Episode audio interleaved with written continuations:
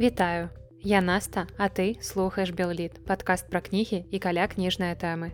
І сённяшні выпуск не ўключаюцца ў нейкія цыклы, ні ў цыкл асобы, ні ў цыкл сёлета. Я проста вырашыла цэлы выпуск прысвяціць адной кнізе, але ж ні яна, ні аўтар гэтай кнігі, яны сёлета не юбіляры, але кніга вельмі добрая. Я вырашыла, што яе трэба не проста неяк згадаць у выпуску сярод іншых кніжак на некалькі хвілін, але варта прысвяціць ёй цэлы асобны выпуск, што ў прынцыпе я зараз і буду рабіць.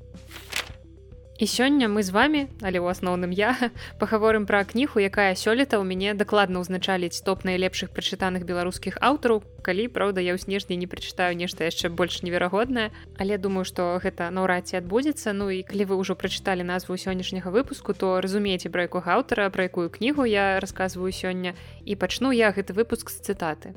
Калі б не кнігі можна было б звар'яцець і ў няволі яны мяне ратавалі і зараз на свабодзе якая мала чым адрозніваецца ад няволі На працягу апошніх гадоў мяне Масім танк толькі і робіць што здзіўляе, бо ў школьныя гады я думаю, што як і для вас ён быў проста адным з дзясяткаў іншых беларускіх класікаў. Мы вучылі вершы на памяць, мы нешта там чыталі пра іх пра іх біяграфіі. І 11 гадоў таму білет з пытаннем пра яго паэму ліцыянта поля мне дапамог паступіць на філфак. Тады ў нас быў уступны экзамен па беларускай літаратуры. Для таго, каб паступіць на філфак, трэба было здаць 20 гэта беларуская мова і гісторыя Беларусі.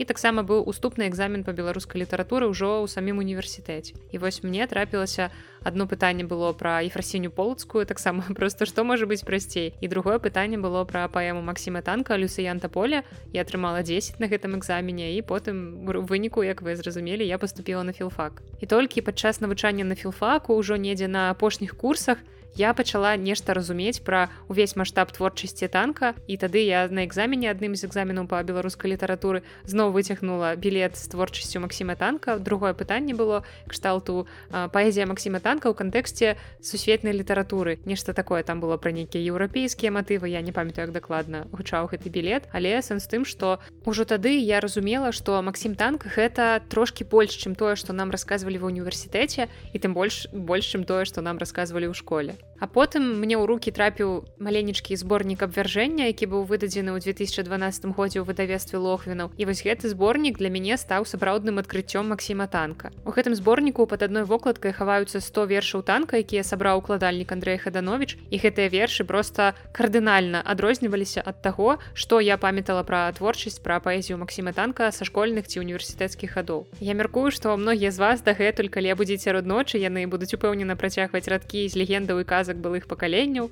тут я зраблю паузу каб вы маглі ў думках гэта працытаваць. Ага.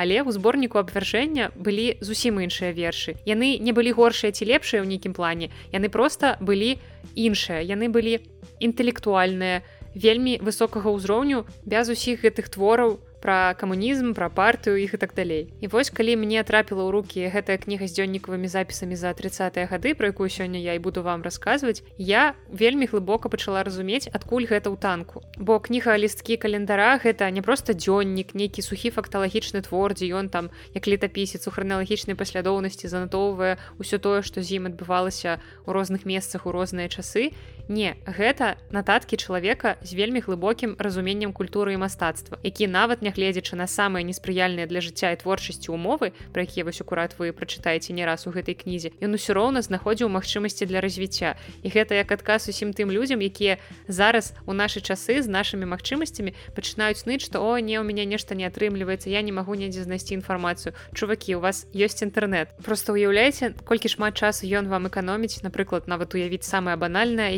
якія-небудзь рэфераты у школе ці даклады там ва універсітэце раней гэта даводзілася ўсё пісаць ад рукі вышукваць інфармацыю у бібліятэках траціць на гэты час. Цяпер збольшага рэфераты у нас просто у кнопкавай даступнасці скажем так. Вам трэба націснуць толькі одну кнопку для того каб спампаваць пэўны рэферат. Часам нават не трэба яго пісаць. І ў гэтых дзённіках Масім танк адгукаецца на падзеі грамадска-палітычнага жыцця і таксама дзеліцца вельмі каштоўнай інфармацыяй пра літаратурны працэс у заходняй беларусі. І ў сваім артыкуле на разломе эпохі літаратуразнаўца арсень ліс нават назваў гэтую кнігу лета летапісам заходнебеларускай літаратуры. І сапраўды там вельмі шмат будзе згадвацца імёнаў аўтараў якія пісалі у тым рэгіёне.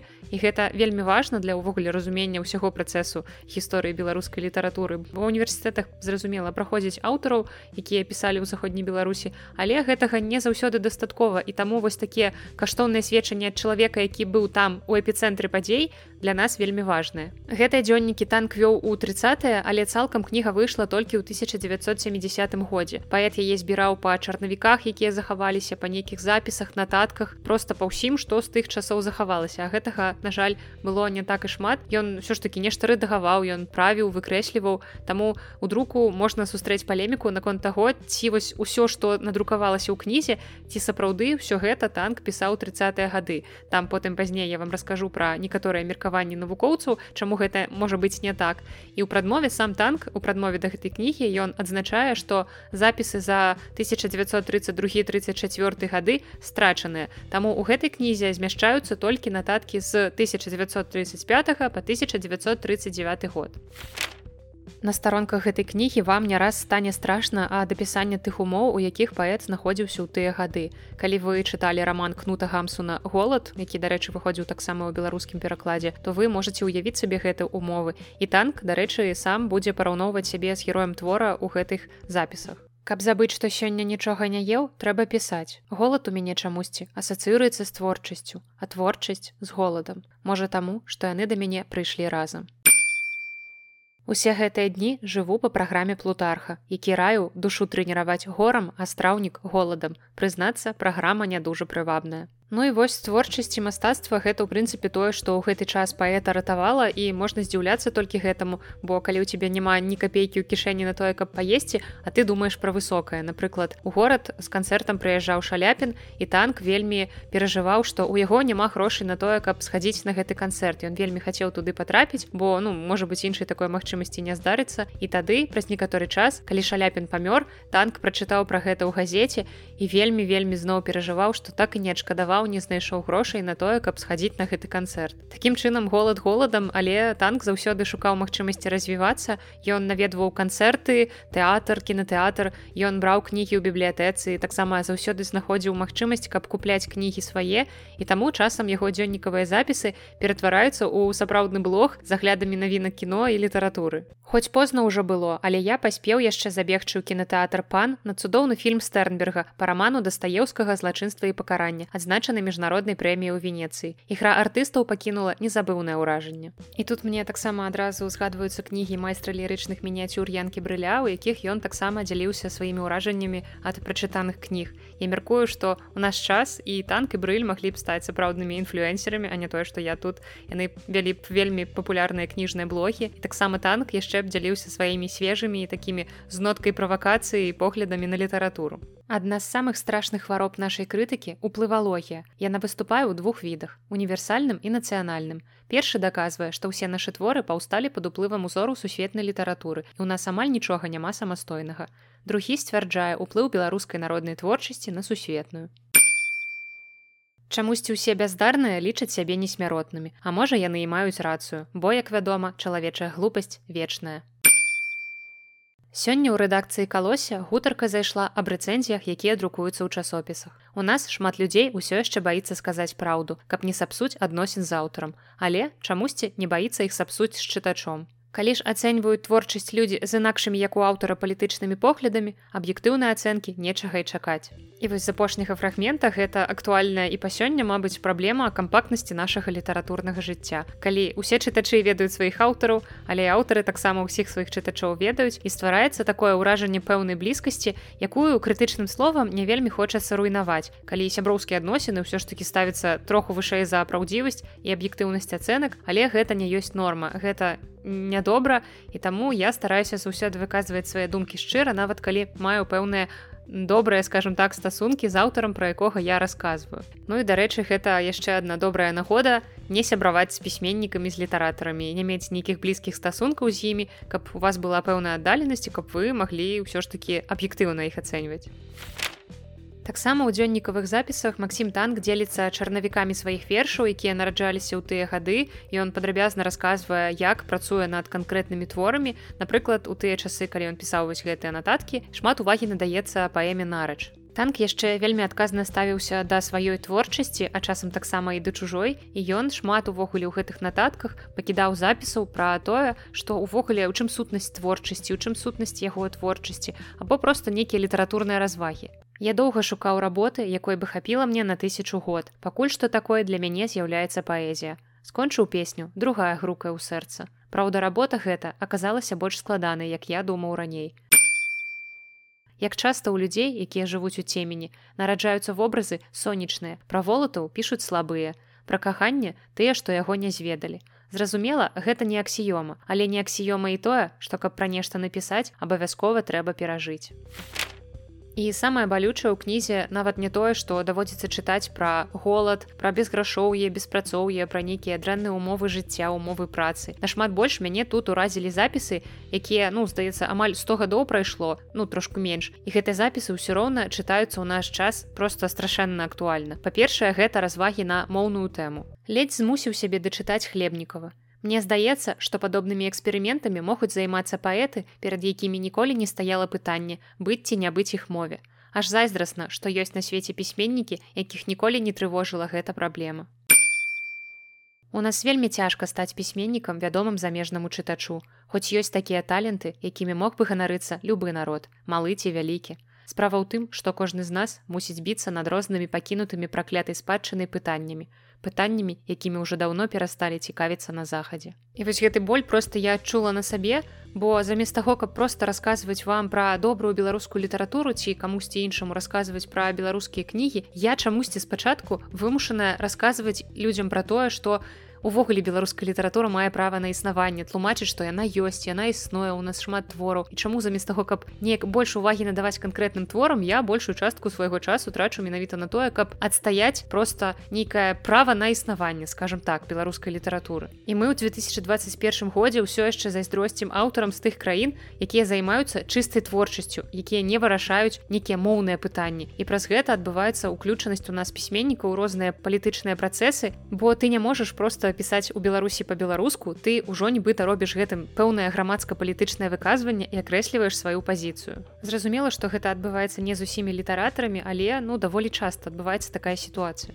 У нас літаратуры прыдаецца велізарнейшае значэнне якога яна ў іншых народаў даўно не мае Не знаходзячы ў сённяшнім жыцці справядлівасці, народ шукае ў літаратуры адказу на ўсе пытанні, якія яго хвалююць і непакояць. У нас няма розніцы паміж літаратурай і адозвай, літаратурай і забастоўкай, літаратурай і дэманстрацыяй. Таму амаль ва ўсіх палітычных працэсах разам з барацьбітамі за сацыяльнае і нацыянальнае вызваленне на лаве падсудных знаходзілася і наша заходнебеларуская літаратура. Ад уплываў розных бясплодных мадэрнізмаў заходнебеларуская літаратура атрымала надземную прышчэпку, зробленую нашымі апекунамі пры дапамозе гумавых палак. Паэзія наша цяжкая, як камень, вырваны з бруку падчас вулічных баёў. Немілагучная, як стогн ці крык, чырвоная, як пралітая кроў. Іншая на сёння і не можа быць. Ну і зразумела, нават нягледзячы на тое, што Масім танк ужывае тут словазлучэнне заходнебеларускай літаратура, мы ўсё роўна можам гэтыя ўсе выразы выдатна прыкласці да беларускай літаратуры ўвогуле. Заўсёды тыя, у каго няма ніякіх аргументаў, адказваюць кулямі, арыштамі, цэнзурнымі забаронамі. А гэта вам нічога не нагадвае. І вось яшчэ Народ можа дараваць пісьменнікам многае, але не можа дараваць маўчання ў часы, калі вырашаецца яго лёс. Ну а чытаючы наступны урывак я ўвогуле адчуваю атмасферу гэтага ўсеагульнага напружання, калі нават цяпер здавалася б у мірныя часы у адной краіне ў цэнтры Еўропы ты ўсё роўна трымаеш на пагатове заплечнік з рэчамі і дакументамі. Апошнімі часамі, калі пішу новы верш, чамусьці трывожыць думка, што мне яго могуць не даць закончыць. Таму зубную шчотку і мыла нанач кладу на ўсякі выпадак у кішэню свайго паліто. Вось гэта танк пісаў у 1935 годзе, але ўвогуле многія запісы чытаеш так, нібыта яны маглі быць напісаныя сёння. Сёння паэзія для мяне з'яўляецца краінай, у якую я без дазволу паліцыі і замежнага пашпарта уцякаю адпачываць ад сумнай рэчаіснасці. Хацелася б напісаць пра вялікае каханне. Баюся толькі, што не змагу, бо і настрой не такі пагодлівы, і час не такі спрыяльны, і рэдактары не такія вальнадумныя, і цэнзура не такая рамантычная, і чытачы не такія падрыхтаваныя. Няўжо ніколі нельга будзе пісаць пра ўсё, што хацеў бы і так, як хацеў бы. І тут я адразу подумала пра новы роман владимира някляева з такой загадкавай назвай гей бен геном здаецца я правільна яе аднафіла роман гэты пра смерць янкі купалы ён часткова ўжо друкаваўся ў часопісе дзеяслоў але цалкам кніга вось толькі што нядаўна выйшла не ў беларусі а ў польшчы. З дапамогай вядомай я думаю вам пляцоўкі камунікат орг і так здарылася чаму яна выйшла не ў беларусі ў польшчы тому что змест кнігі такі што ў сучаснай беларусі на жаль яна не можа быць выдадзеная. І таму я нават не ведаю ці трапіць увогуле гэтая кніга ў бліжэйшы час да чытачоў з беларусі ці можна напрыклад яе купіць там на прэзентацыі і як-небудзь перавесці праз мяжу наколькі гэта ўвогуле законна легальна. І вось такія просто наши сучасныя рэаліі што тут у сябе на радзіме мы не можам чытаць наших жа родных аўтараў. Ну і адпаведна тут у сябе на радзіме нашы аўтары не могуць пісаць пра ўсё тое пра што яны хочуць пісаць і зачытаю вам яшчэ адзін урывачак з запісу танка і мне ўжо здаецца што я вам прачытала палову кнігі але калі я вас натхню гэтым сваім чытаннем то ўсё было недарэмна спадзяюся што вы ўжо дадалі гэтую кнігу сабе ў спіс на проста найбліжэйшае прачытанне Ну а наступны фрагмент ён такі смешна іранічны. У зборніку путраманта лясная дарога знайшоў і свой верш на шляху дзікіх гусей Гэта першы мой верш перакладзены на польскую мову. Перад гэтым ён быў надрукаваны ў кур'еры віленскім і я атрымаў за яго ад свайго перакладчыка першы ў сваім жыцці ганарар тры злотых. Я не хацеў іх браць, хоць быў без хлеба. Прызнацца, да гэтага я ніколі не задумваўся, што вершы могуць мець нейкую грашовую вартасць. Я знаў, што за іх могуць судзіць, садзець у астрог, але каб за іх плацілі, я тут магу толькі пракаментаваць гэта фразай і смех і грэх. І нават нягледзячы на абставіны Масім танк усё роўна не губляе аптымізму і такога крыху сумнага скажем пачуцця гумару пра што сведчыць таксама і наступны фрагмент. Камена змясціла некалькі вершаў французскіх надрэалістаў пацалунак элюара у напрамку ночы супа якія ўслед за сандрам ужо адмовіліся ад знакаў прыпынку. Не знае Еўропа што мы даўно абагналі ўсіх мадэрністаў навучыўшыся пісаць толькі пры дапамозе кропак бо ўсё іншае канфіскуе цэнзура Ну як бачыце гэтая кніга можа прымусіць вас не толькі сумаваць але і часам усміхацца. І хаця гэтая усмешка ўсё роўна будзе праз нейкі такі пэўны сум але ў гэтай кнізе ўсё ж можна сустрэць не толькі змрочнае. Тут хапае цікавых літаратуразнаўчых разважанняў напрыклад або гісторыі пра пісьменніцтва пра асаблівасці творчай дзейнасці. Вось напрыклад паслухайце наступны фрагмент. Гэта як па мне выдатная парада не толькі для маладых творцаў але і для ўжо сталых творцаў. Дарэчы зараз са сваёй запісной кніжкай усюды палюю на рэдкія словы якіх пакуль што няма ў слоўніках. Ды слоўнікі заўсёды пазніліся і ніколі не маглі ўгнацца за жывой мовай. Мне здаецца што кожны пісьменнік павінен мець апроч усеагульнага слоўніка яшчэ і свой асабісты. І справа не ў тым хто карыстаецца большай колькасцю слоў а хто меншай. Справа у беспамылковым адчуванні паху колеру значэння кожнага слова часу і месца для яго. Ну а скарбонка самародкаў слоў у запасе заўсёды прыдасца. Без яе нават нельга абысціся Дарэчы, я была некалькі дзён таму ў інстытуце Гёта на сустрэчы з перакладчыцай ольгай гронскай. Яна прадстаўляла там свой беларускі пераклад рамана Даніэля Кельмана тыль, які выйшаў яшчэ ў мінулым ходзе ў выдавестве Янушкевич. І ольга там на гэтай сустрэчы згадвала, як яна працавала над перакладам гэтай кнігі. Дарэчы, вось за гэты пераклад я вам нядаўна рассказывала. Яна акурат стала лаўрэаткай перакладчыцкай прэміі імя Карласа Шермана. І вось ольга у гэтым мерапрыемстве згадвала, што калі яна перакладала гэтую кніху, яна вельмі часта звярталася да аднаго беларускага перакладу таксама. Гэта быў пераклад кнігі семпліцысімус грымельсгаузена які зрабіў выдатны перакладчык наш Васіль сёмуха. І ольга аддзялілася што яна калі чытала гэтую кнігу перачытвала падчас працы над перакладам тыля яна выпісвала з кнігі нейкія такія асабліва трапныя слоўцы якія ёй спадабаліся каб потым гэтымі словамі расквеціць свой пераклад. І вось я таксама пасля гэтага ўспомніла як я калі яшчэ вучылася ў школе у мяне быў такі шытачак нататнічак у які я збірала прыгожыя незвычайныя рыфмы з беларускай літаратуры. Я ў тыя часы чытала вельмі шмат беларускай паэзіі, тады я для сябе адкрывала такіх паэтаў як Рыгор барадулін, як анатоль сыс, яны сталі маімі любімымі. таксама шмат маёй творчасці ўласнай паэтычнай тады нараджалася. І вось тады я проста выпісвала усе рыфмы, якія мне вельмі падабаліся.